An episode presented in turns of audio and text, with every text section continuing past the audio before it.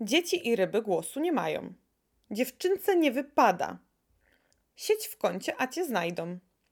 Pokorne ciele dwie krowy z się. No i na co ryczysz? Nic się nie stało. Ty nie jesteś wszyscy. Bądź mądrzejsza i ustąp.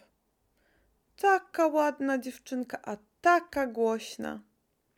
Co wolno wojewodzie, to nie tobie smrodzie. Ty to masz słomiany zapał do wszystkiego. Jak suka nie da, to pies nie weźmie. Czwórkę? A dlaczego nie piątkę? A co dostała Monika?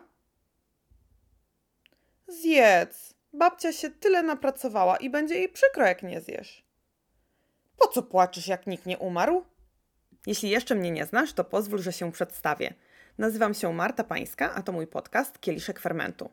Mówię tutaj o wolności finansowej, kobiecości, seksie, związkach i macierzyństwie. Z perspektywy matki, żony, kochanki, po prostu kobiety. Dlaczego kieliszek fermentu? Bo lubię sfermentowany sok z winogron. A tak na serio, siać ferment to robić niepotrzebną aferę z błahej rzeczy. A przecież kobietom zawsze mówiło się: nie przesadzaj, odpuść, zachowuj się, wstydziłabyś się, ciszej, grzeczniej. Dlatego ten podcast to taki personalny kieliszek fermentu rzucony w tego typu teksty. Mówiąc te teksty, ciśnienie podnosi mi się tak bardzo, że nie potrzebuję nawet kawy. Dzisiaj będzie o idiotycznych rzeczach, jakie mówili nam nasi rodzice i dziadkowie, oraz dlaczego musimy położyć im kres. Ten odcinek podzielę na dwie części. Dzisiaj skupimy się na takich ogólnych tekstach, jakimi e, nasi rodzice nas raczyli, a za tydzień pogadamy o powiedzonkach, jakie słyszały tylko dziewczynki, bo tutaj jest całe jezioro idiotycznych tekstów. Bez zbędnych wstępów rozpracujmy sobie tekścik po tekściku, zaczynając od tego, który pojawił się w Waszych wiadomościach najczęściej i który wkurwił chyba największą ilość ludzi. Dzieci i ryby głosu nie mają. W latach 80., 90. oraz wczesnych 2000, bo właśnie od ludzi, których dzieciństwo przypadało y, na tamte lata, pojawiły się odpowiedzi, to było najpopularniejsze powiedzonko. W tych czasach było powszechnie przyjęte, że dzieci mają się podporządkować dorosłym w każdym aspekcie życia. A dorośli, mówiąc, że dzieci nie mają głosu, dobitnie to pokazywali. Nasze zdanie się nie liczyło. Nie mieliśmy jako dzieci totalnie nic do powiedzenia, nie pytano nas o zdanie, o nic się nas nie pytano. Mieliśmy zamknąć ryj i robić to, co nam kazano. Czy rodzice zastanawiali się, jakie konsekwencje może mieć dla nas poczucie, że nas głos nie ma znaczenia? Czy zdają sobie sprawę, że dzięki temu, że słyszeliśmy to non-stop, teraz w dorosłym życiu nie potrafimy wyrażać swojego zdania, swojej opinii, swoich pomysłów? W wiadomościach piszecie, że nawet po 30 latach, jeśli w pracy większość osób to osoby starsze od Was, to nie potraficie się przyznać, bo przecież ze starszym się nie dyskutuje.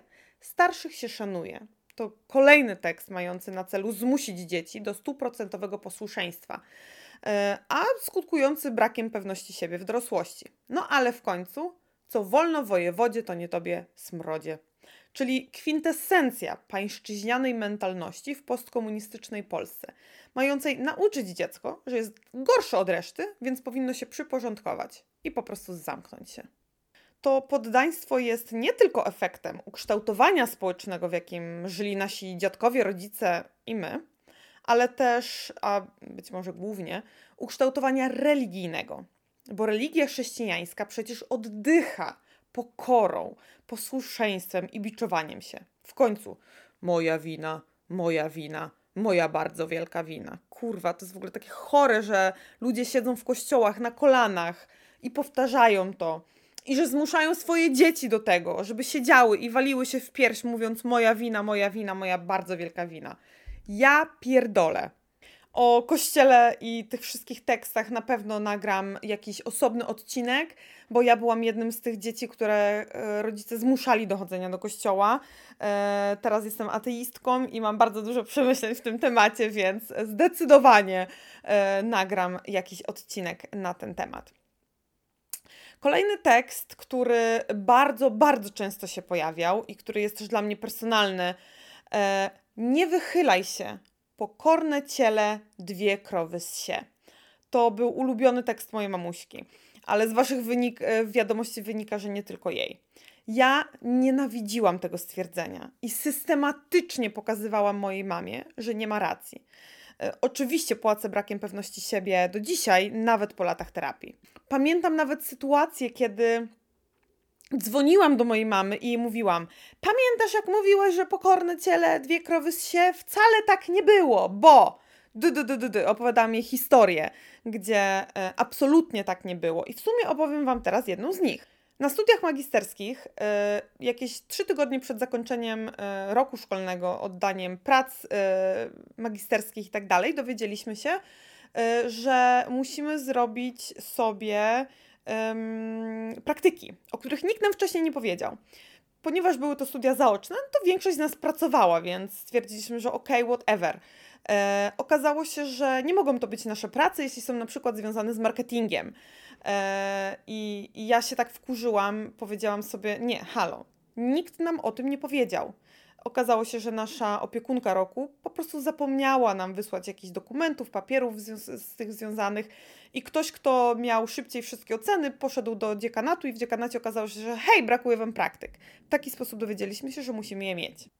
No i oczywiście totalnie nie posłuchałam mojej mamy, która mówiła pokorne ciele dwie krowy z się, tylko poszłam e, się pokłócić trochę e, i dobitnie powiedzieć e, tej, tej pani, że absolutnie się z tym nie zgadzam, ponieważ nikt nam o tym nie powiedział. Jesteśmy trzy tygodnie przed końcem roku powiedziałam, dałam jej listę mm, wszystkich uczniów, kto ma jaką pracę E, i, i powiedziałam, że jeśli nam tego nie zaakceptuje, to będziemy rozmawiać w inny sposób, bo ona nie, nie wykonała swojej pracy i nie wiem, dlaczego my powinniśmy za to teraz płacić.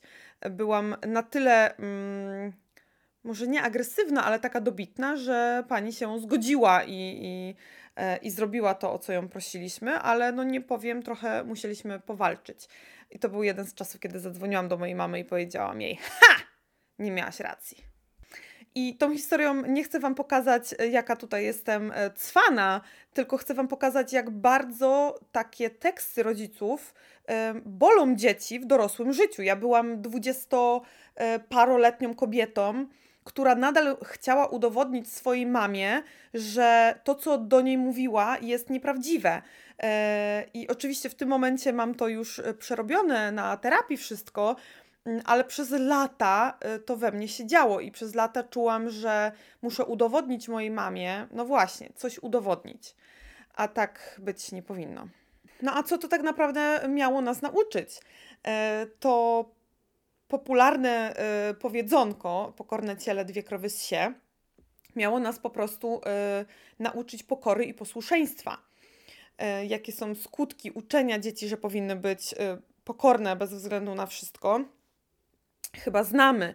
Jest to brak umiejętności stawiania granic, brak umiejętności zaspokajania swoich potrzeb, people pleasing swoim kosztem oczywiście, mm, no i wiele, wiele innych. Nasze pokolenie, milenialsów, e, chyba lepiej już równoważy uczenie swoich dzieci posłuszeństwa z rozwijaniem jednoczesnym ich zdolności do samodzielnego myślenia e, i takiego konstruktywnego sprzeciwu no ale jak nam to wyjdzie, zobaczymy za parę lat, bo ostatnio widziałam takiego fajnego mema, że milenialsi zatrzymują te negatywne rzeczy, a, a siedzi na tym memie takie małe dziecko, pod którym jest podpis nowy rodzaj spierdolenia, więc być może e, spierdolimy nasze dzieci w jakiś inny sposób. Podobny tekst, e, którego osobiście jako dziecko nie słyszałam, ale był bardzo często powtarzany w wiadomościach, e, jakie dostałam od Was. Siedź w kącie, a cię znajdą.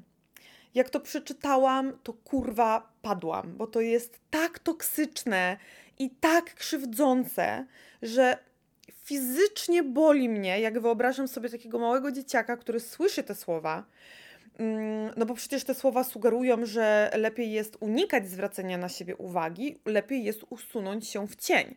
Takie teksty, często powtarzane jak mantra przez rodziców, yy, nie mogą bardziej zabić rozwoju pewności siebie, umiejętności wyrażania siebie i zdolności przywództwa w takim dziecku. I co się stanie, gdy takie dziecko w to uwierzy, a nikt go nie znajdzie? E, zapewne pomyśli, że jest do niczego i dlatego nie zostało znalezione.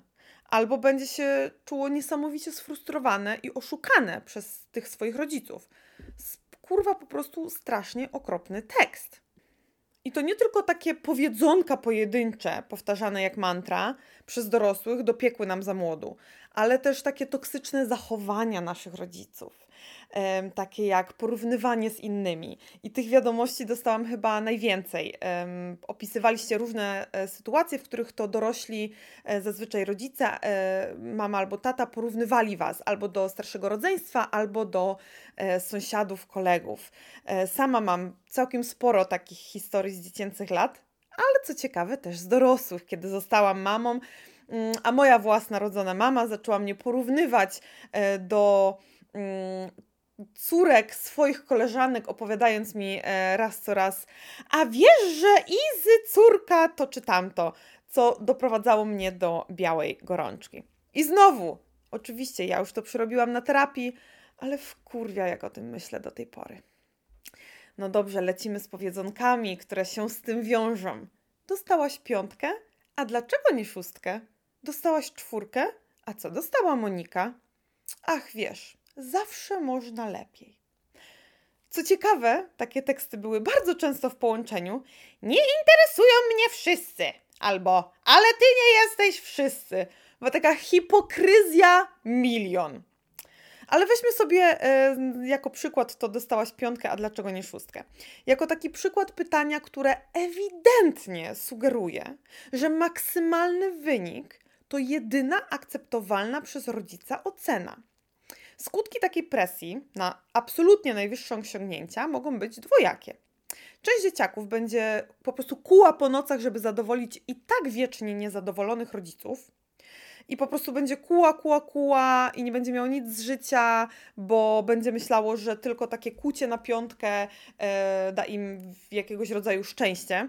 Już pomijając fakt, że takie wykuwanie na pamięć i dobre oceny w szkole wcale nie znaczą, że w przyszłości będzie się miało jakieś sukcesy. A druga część dzieciaków totalnie oleje naukę. Bo po co się w ogóle starać, skoro rodzice i tak zawsze będą niezadowoleni? Lepiej to po prostu olać. I dodatkowo takie pytanie uczy dzieciaka, że jego wysiłek jest nieważny, bo takie pytanie nie docenia wysiłku, nie docenia jego osobistych postępów. A przecież każdy ma inne predyspozycje, więc nie da się ze wszystkiego mieć największych ocen to może budzić ciągłe poczucia bycia niewystarczającym, ciągłe niezadowolenie z siebie, ze swoich osiągnięć, umniejszanie sobie też w późniejszym życiu, niechęć do podejmowania działania. Brzmi trochę jak stany depresyjne, co nie? No bo tak, właśnie do tego mogą też prowadzić porównania. Zamiast tego pytania, dostałaś piątkę, a dlaczego nie szóstkę? A co dostała Monika? Dlaczego nasi rodzice nie pytali nas, albo po prostu nie powiedzieli, Wow, dostałaś czwórkę, super. Wiem, ile czasu zajęło ci nauczenie się na tą cholerną historię, bo tego nie lubisz. Powinnaś być z siebie dumna.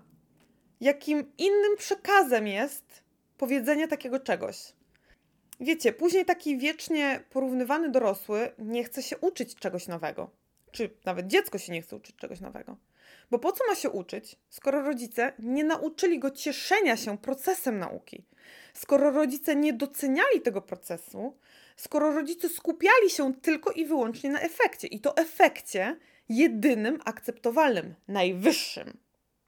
No i co tu dużo mówić? No, dzieci, które były ciągle porównywane do innych, będą miały ogromne problemy w dorosłości, będą latami je przerabiać na terapii.